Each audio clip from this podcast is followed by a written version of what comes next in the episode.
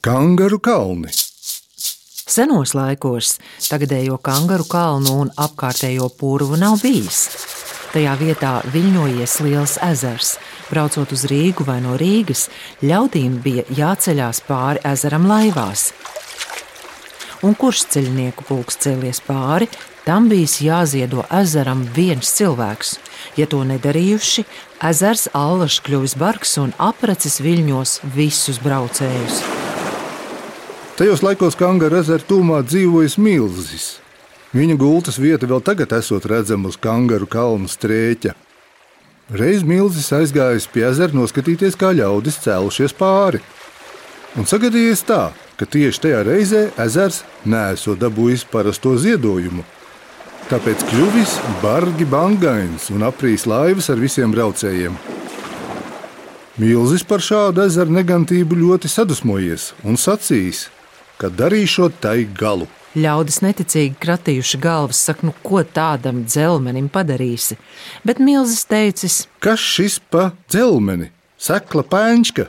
Nelaime tā, ka jūs esat pārāk sīka auguma. Es katru rītu brienu pāri. tas bija tiesa. Ik rītu uzlicis putras katlu uz uguns, Milzis gājis pāri ezeram uz Rīgu pēc sāls, ko putrai piebērt.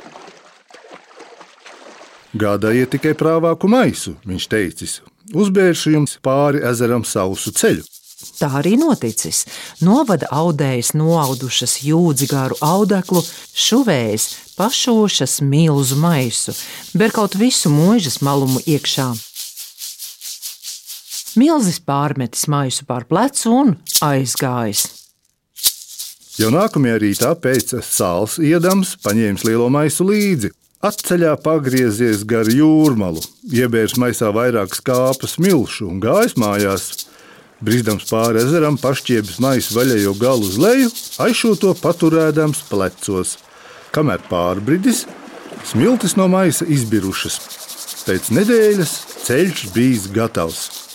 Pār ezeru uzaugusi kalnu grēda, kur smilšu nobirs pavairāk, tur kalni bijuši augstāki, kur pamazāk, tur zemāki. Ļaudis milža bērumu nosaukuši par kangaru kalniem.